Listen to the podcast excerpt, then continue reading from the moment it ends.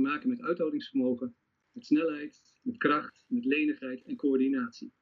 En alle vijf moeten in één training zitten. Rick interviewt Nederlandse topvolleybaltrainers in Volleybabbel. Een gesprek met Wim Bijzerbos, oud-brandweerman en volleybaltrainer. Nou, weet je, veel mensen hebben geen idee waar ze mee bezig zijn in het volleybal. Veel trainers doen namelijk gewoon wat krachttraining. Dan moet je dus niet aankomen daarna met een technische training van hoe kun je heel mooi bovenhand spelen. Dat doen wel veel trainers aan het begin van het seizoen. Even laten zien wat voor sterke trainer ik ben. Je hebt een uh, achtergrond bij de brandweer. En als ik aan de brandweer denk, dan denk ik altijd aan heel veel uh, hele stoere mannen en vrouwen. Is dat ook iets wat je dan meeneemt naar het voetbalveld? Nee, niet echt. Het is wel zo dat het, uh, de manier van doorpakken, het doener zijn en niet bang zijn om cruciale beslissingen te nemen, dat hoort er wel bij. en daarnaast is het gewoon, ja, je geeft niet op totdat de wedstrijd voorbij is. Je mag bij wijze van spreken de bloedsmaak in je mond hebben. Maar zolang je nog niet neervalt, kun je door. Oh, dat klinkt wel heel, heel pittig. Ja, maar in de praktijk valt het wel mee, want een, een wedstrijd geeft zoveel rustmomenten dat dat niet aan de orde is. Je verzorgt ook een stukje fysiek bij een VT3-cursus. Kun je daar iets over vertellen?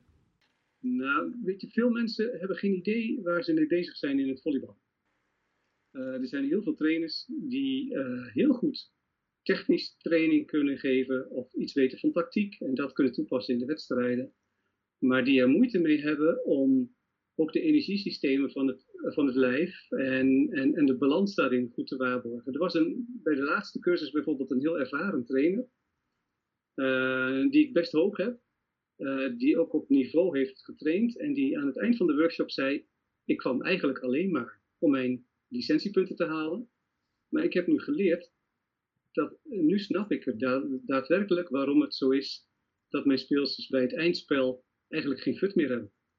Ik heb ze gewoon afgebrand op het verkeerde moment. En dat had ik dus anders moeten indelen. En, nou, en dat is dus zeer waardevol als iemand dat zo geleerd heeft. En wat ik doe is hele simpele, banale oefeningetjes. Van touwtjes springen tot movement preps, tot krachtoefeningetjes, tot volleybalspelletjes in de warming-up. Met bal en zonder bal uh, speedfootladders. Uh, en ik geef daarbij aan in welk deel van de training dat thuis hoort. En ik geef ook aan welk energiesysteem je uh, aanspreekt. En ik geef ook aan welke van de grondmotorische eigenschappen dit, dat is. Ben je bezig met uithoudingsvermogen of met coördinatie of met kracht? En, en hoe je dat moet opbouwen in, in jouw volleybaltraining. En kun je iets vertellen over die opbouw? Nou, die opbouw die heeft te maken de, met, met je hebt maar een bepaalde tijd, anderhalf uur of twee uur. En wat doen heel veel trainers dan? Die gaan er nog uitgebreide grondoefeningen doen. En dat is zonde, want uh, iedereen komt daar om met die bal iets te doen. Uh, dus dat betekent dat je heel uh, rustige warming-up oefeningen kunt doen zonder in te lopen, zonder loopscholingen, maar wel met bal. Door er een spel van te maken waarbij je toch heen en weer loopt en heel langzamerhand gaat dan je bloeddruk omhoog, je hartslag gaat omhoog, je wordt warm. En als je dat 10 minuten gedaan hebt, heb je en al heel veel balgevoel gehad. Je hebt al een spel gedaan. Je hebt al gevolleybald een beetje. En daarnaast ben je warm genoeg om wat stevige oefeningen te gaan doen. En dat kan wel een stukje kracht zijn. Uh, met medicinebal of elastieken of wat dan ook. Of uh, gewoon op de grond. Of het kunnen wat stevige oefeningen zijn gericht op bijvoorbeeld aanval. Nou, en dan ben je bezig met je energiesysteem zonder dat je het weet. Maar ik denk wel dat een trainer die kennis moet hebben om naast een stuk technische training te weten, uh, ik train nu het lichaam op die en die manier, dus ik weet ook dat mijn speelsters voldoende energie over hebben. Voor bijvoorbeeld uh, een eindspel of uh, een blok- en aanvalstrainingen. En als je dat dan wil berekenen, dat ze op het einde nog energie over hebben, ehm, ja, waar hou je dan precies rekening mee? Waar, waar kijk je dan naar? naar het team zelf. Dus op den duur mag je verwachten in een voorbereidingsperiode dat een trainer weet, dit is mijn team en dat kunnen ze aan. Uh, zodat je dat uh, na een week of drie uh, heel langzaam kunt invoegen in de, in, in de training. Um, bijvoorbeeld, ik doe ook wel eens heel stevige zeg maar, conditietraining. Maar als je dat doet, en je doet daarbij ook nog een stevige krachttraining, bijvoorbeeld met 4 kilo of 5 kilo medicineballen, en nog heel veel opdrukoefeningen en allerlei andere standaard dingetjes, dan moet je dus niet aankomen daarna met een technische training van hoe kun je heel mooi bovenhand spelen. Dat lukt dan gewoon niet, want jouw lichaam is moe. Dan kun je wel gaan verdedigen. Het verdedigen heeft te maken met diezelfde snelheid en diezelfde explosiviteit, maar niet dat fijngevoelige. Dat maakt dan niet uit. Die bal moet in eerste instantie omhoog, in tweede instantie naar de drie meter en in derde instantie naar de spelverdediger. Nou, gaat hij omhoog en naar de drie meter, dan heb je al heel veel bereikt. En dat vinden ze al wel gaaf. En dan kun je hem laten afmaken uh, en doorspelen eventueel. Maar ga dan alsjeblieft niet heel moeilijke technische oefeningetjes doen die heel veel fijngevoeligheid geeft. Terwijl je daarvoor een half uur lang ze hebt zitten af te beulen. Nou, die, die, dat besef, als de trainer dat heeft, is het goed. Helaas zie ik ook heel veel dat nieuwe trainers bij een club even zich willen laten gelden. Of direct na de zomervakantie. Even laten zien wat voor sterke trainer ik ben.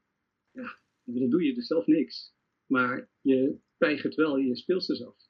Met als effect dat als de competitie begint, de eerste blessures zich al hebben aangediend. Nou, wij hebben het nadeel in het volleybal dat we meestal eind augustus beginnen. Vijf tot zes weken later start de competitie. Uh, en eigenlijk ben je dan nog in een opbouwfase bezig. Maar dat kan niet, want ze moeten al heel explosief springen en draaien en kappen enzovoorts. Dus je moet wel iets meer doen, maar eigenlijk is dat niet goed. Eigenlijk moet je gewoon een week of acht gaan opbouwen en daarna langzaam naar wedstrijdspecifieke trainingen gaan. En, uh, maar dat betekent wel als trainer, maar ook als team en als club, als bestuur, dat je beseft dat ze misschien conditioneel nog niet zo klaar zijn, omdat je het goed opbouwt. Maar dat je dan wel met je hele team fit aan de competitie begint. Uh, en dan kan het zijn dat je toevallig de eerste wedstrijd een vijf zetten speelt waarbij je moe bent. Maar als het goed is, is dat de tweede helft oktober niet meer zo. En dat hoeft dus niet. Je kunt ook zeggen, we gaan er vol voor. Maar dan heb je dus de kans dat degene die wat minder belastbaar is na de zomervakantie, die dan al een klein pijntje krijgt. En dat uitgroeit tot een blessure. Nou, en daar moet je dus mee oppassen. En trainers hoeven echt niet alle energiesystemen te kennen en de afkortingen ervan. En, uh, maar wel een klein beetje van wat train ik en wat betekent dat voor uh, de belastbaarheid, maar ook voor de arbeid- en rustverhouding. En kun je me dan eens meenemen in jouw eh, wedstrijdvoorbereiding? Die eerste paar weken dat je zo'n groep krijgt, ga je dan juist dus heel veel kracht en conditie doen en wat minder techniek? Uh, je kunt het best goed combineren. Je kunt een technische oefening best wel goed doen, maar dan doe je er wat loopvormen omheen. Dus in plaats van dat je als trainer zegt van oké, je doet een paar keer een technische uitvoering van een oefening en dan stap je eruit. En dan wacht je even. Nou, kun je ze ondertussen wat aan de zijlijn wat oefeningen laten doen, zodat ze bezig zijn. Of je zorgt ervoor dat de loopafstanden wat groter zijn, zodat ze dat net niet wandelend redden. Dus dat ze echt een, joggend naar de volgende uh, stand moeten, of naar de volgende kant van het veld, uh, wat je dan ook verzint. Ik train graag tot tenminste half juni door met het team. Het effect daarvan is, is dat je juist na afloop van de competitie begint met uithoudingsvermogen training. Afvlakking en het afkalven van de, de conditie en de kracht en, en, en ook het spierstelsel, dat blijft. Dat is logisch. Er zijn er maar heel weinig die doortrainen. Of die zelfs nog iets meer doen, maar dan voor zichzelf. Maar hoe eerder je dus dat eh, op een normale manier kunt oppakken na de zomervakantie, hoe fijner het is. Uh, ik vind het heerlijk om direct op te kunnen starten met het spelsysteem, afstemmen. Want er zijn altijd wel nieuwe spelers. In plaats van eerst uitgebreid de conditie weer moeten opbouwen. Uh, dat is zonde van de tijd. Dat kunnen ze zelf. Maar omdat ik weet, ik heb schema's gegeven in de vakanties van allerlei mooie dingetjes. En ik heb uh, oefeningen gegeven waarbij ik zeg, nou, je hebt hier uh, tien verschillende eenheden, groepen. uit elke groep pak je één oefening. Vind je die niet leuk van groep 3, uh, dan pak je een andere oefening uit groep 3, maar wel uit groep 3, want die heeft te maken met bijvoorbeeld je rug sterker maken. Uh, maar doe dan vier keer in de week die tien oefeningen. En als je dan denkt, ik ben met één oefening klaar, pak je een andere uit diezelfde groep. Um, of ik heb ook wel eens hele schema's gedaan, wekenlang. Nou, ik kan je verzekeren, beide doen ze niet. Op een paar na. Ehm, en en ja, ik weet van speelsters, en dat, dat weet iedere trainer als hij daar al een tijdje bent, die en die speler die, is daar fanatieker in. en de andere speler die denkt, ah, vakantie, doe niks. sommigen gaan naar een, een, een, een, vakantieoord waar ze de hele dag lekker aan het surfen en zwemmen en aan het wandelen zijn. Perfect. in de vakantie gewoon minstens een half uur per dag, op wat voor manier dan ook, zorgen dat je uh, dat je je hartslag een beetje omhoog haalt. Nou, dan ben je al lekker bezig. Uh, maar er zijn ook sommigen die moeten verplicht met vader of moeder mee uh, als ze gaan bergwandelen. Nou, dat is dus één grote strijd. Nou, dan heb je dus helemaal niks aan. Ja. Dus voor mij is het heel belangrijk dat ik goed ga monitoren aan het begin van het seizoen. Hoe ver zijn ze? En dan, dat doe ik door vaak door ze stevig te laten uh, volleyballen zonder veel sprongtraining. Ze willen toch altijd iets springen, dus in de eerste week is het vaak niet springen en daarna iets. En de, de bedoeling is uh, dat ze met heel veel grondoefeningen dat ik zie wanneer is de oefening minder zuiver geworden. Want bij een volleyballen merk je niet direct in een vierde of vijfde set dat hij doodmoe is. Je merkt dat de techniek dan zich wat in de steek laat. Uh, het pasen gaat ineens niet zo goed meer. Uh, bovenhands is de techniek niet meer zo lekker. Of de, de, aanval die gaat te vaak in het net, of net uit, of raakt niet lekker. De sprong is niet goed. Uh, en dat zeggen ze ook. En dat betekent dan dat, dat ze moe zijn. Nou, en uh, ik trainde mee bij Fovum de afgelopen vier jaar 2,5 uur. Want een wedstrijd kan met een vijfzetter zo'n 2 uur tot 2 uur 10 minuten duren. Train je dus meer, dus je hebt een grotere overload, betekent het dat je nooit een vijfzetter verliest. Behalve wanneer je slechter bent dan de tegenstander. Maar niet door, door vermoeidheid. En dat is bij ons ook wel gebleken, want wij verloren wel eens een vijfzetter, maar dan was het gewoon omdat de tegenstander tactisch net iets beter of slimmer was op, uh, dan wij. Op conditie heb je het altijd gewonnen. Ja. En je noemde een aantal grondoefeningen. Moet dan eigenlijk gewoon, gewoon denken aan volleybal, maar dan gewoon zonder te springen? Ja, bijvoorbeeld. Je kunt uh, best goed aanvallen met een net dat uh, voor heren uh, niet op 2,43 maar op 2,30 is. Uh, zodat je toch een stevige aanvalslag kunt maken, maar verplicht één voet aan de grond. Dus je moet verdedigen, je, moet toch, je kunt wat blokkeren, je kunt, je kunt lekker aanvallen, je kunt gericht slaan, je moet een goede setup geven. Alleen, het is allemaal net wat minder hoog. je kunt ook zeggen, ik laat het net wel op die hoogte, Ehm, en speel maar heel slim. Laat de tegenstander maar rennen. Of juist dan niet 6 tegen 6, maar 4 tegen 4 of uh, eh, 3 tegen 3. Het ligt eraan uh, hoeveel je. Ik, heb dus vaak uh, afgelopen seizoenen tussen de 10 en 12 speelsters gehad, soms 13 of 14. En als je dat hebt, dan kun je dus heerlijk drie groepen van vier maken. En twee rallies door stevig laten spelen en daarna doorlopen. Maar wel aan één kant laten doorlopen, zodat je zeker weet dat ze een loopmoment hebben als ze rust hebben. En, uh, en dan opdrachten meegeven. Uh, alleen diagonaal slaan, alleen rechtdoor slaan. Prikken is bijvoorbeeld uh, twee punten. Dus dat betekent dat je de verdedigers heel goed klaar moeten staan op hun voorvoeten. En snel en explosief moeten reageren. Of juist binnen een vierkante meter in de hoeken achterin is twee punten. Zodat je weet, ze zullen proberen om, om dat te doen. Eh, eh, en, eh, en dan later bijvoorbeeld zeggen van oké, nu mag je in de blokkering wel springen. Je hoeft niet zo hoog te springen, want het net is niet zo hoog. twee punten als je een killblok hebt. Maar dat betekent ook dat er automatisch goed moet worden uitgedekt. Dus je, je houdt door een opdracht te geven heel veel beweging erin. En zo'n spelletje nou, kun je dan uitbouwen als het net omhoog mag. En dan kun je een, een, een hele mooie 4 tegen 4 van maken. En als je dat dan doet, dan weet je zeker, er wordt heel veel bewogen. Ze hebben korte rust en uh, de inspanning is groot.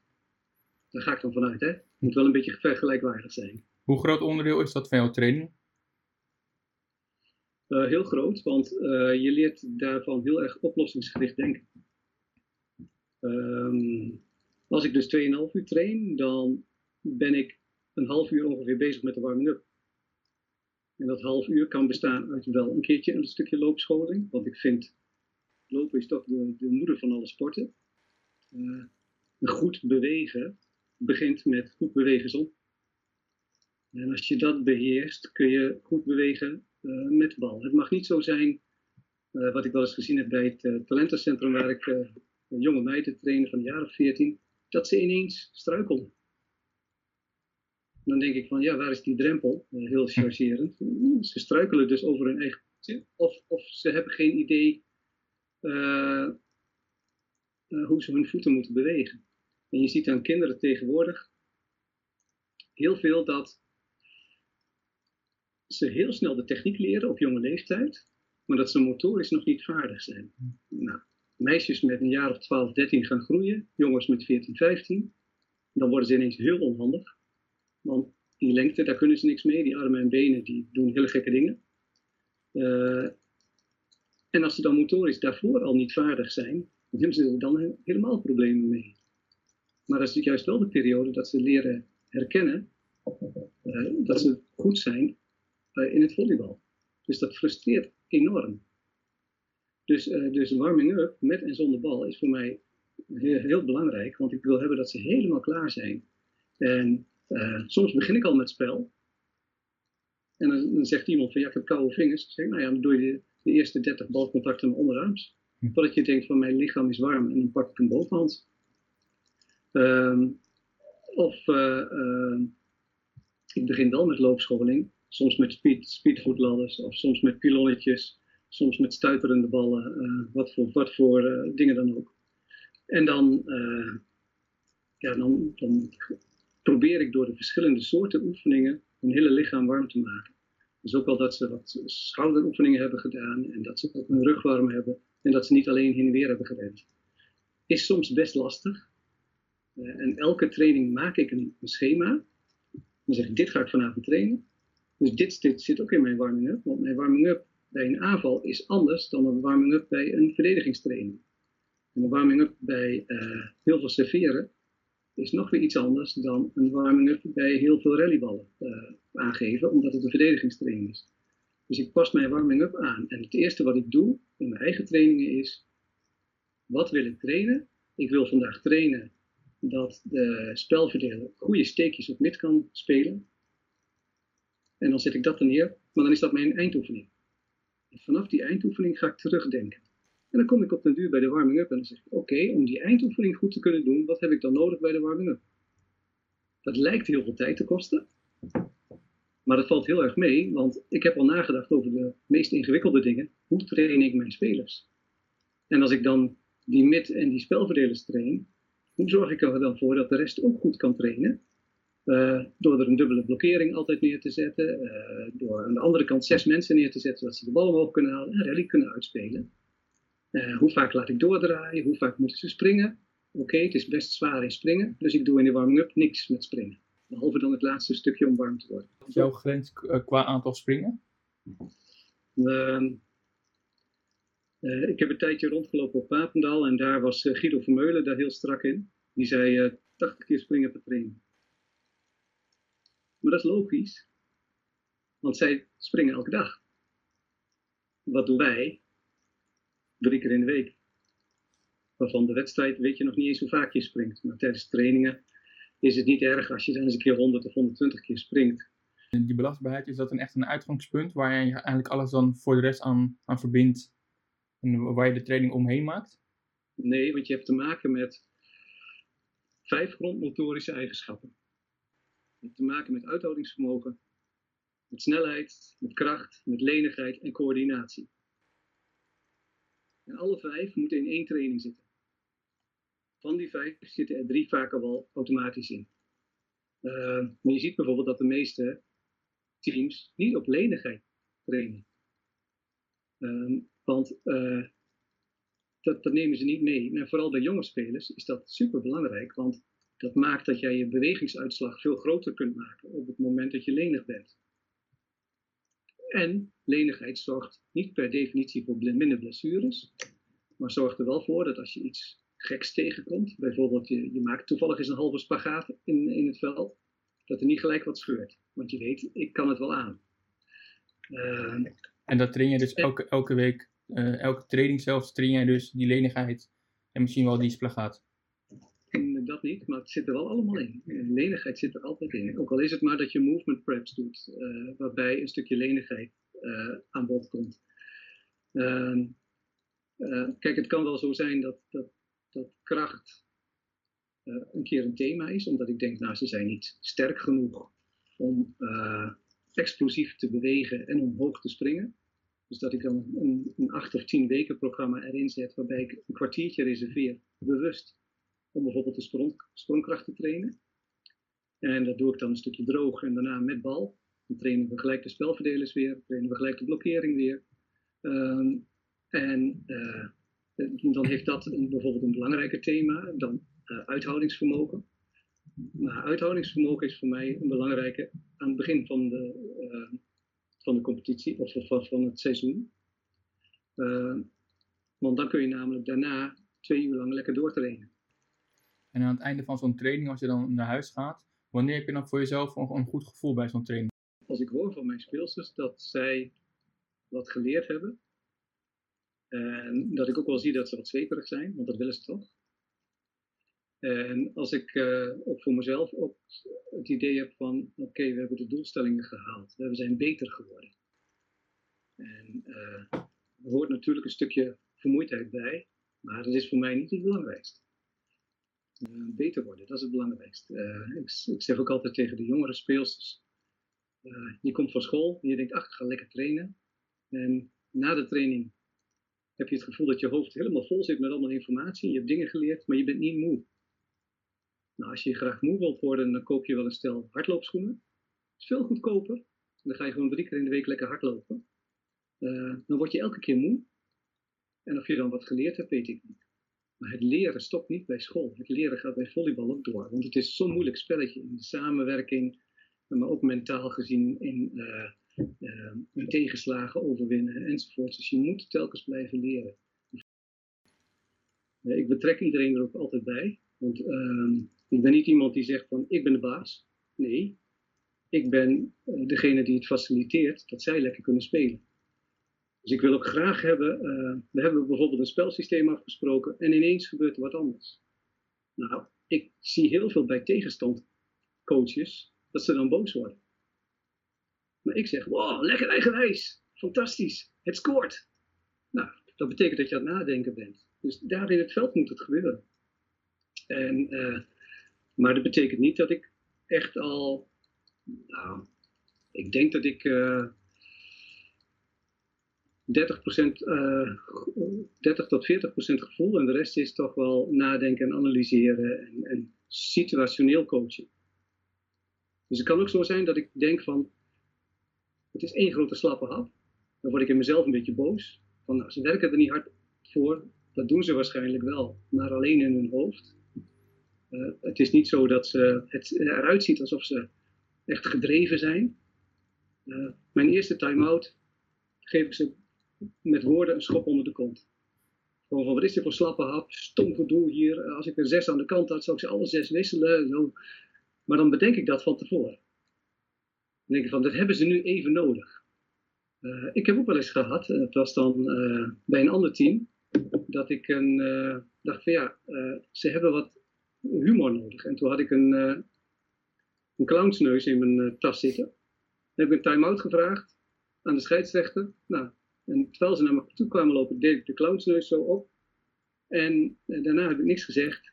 ik heb zelf uit mijn eigen bidon een slokje water genomen. En ik heb gezegd, nou, en zij begonnen te lachen. Ik zeg, ja, eindelijk sfeer. Nou, nu weer in het veld en volhouden. Wat voor uh, drie tips zou je geven aan trainers?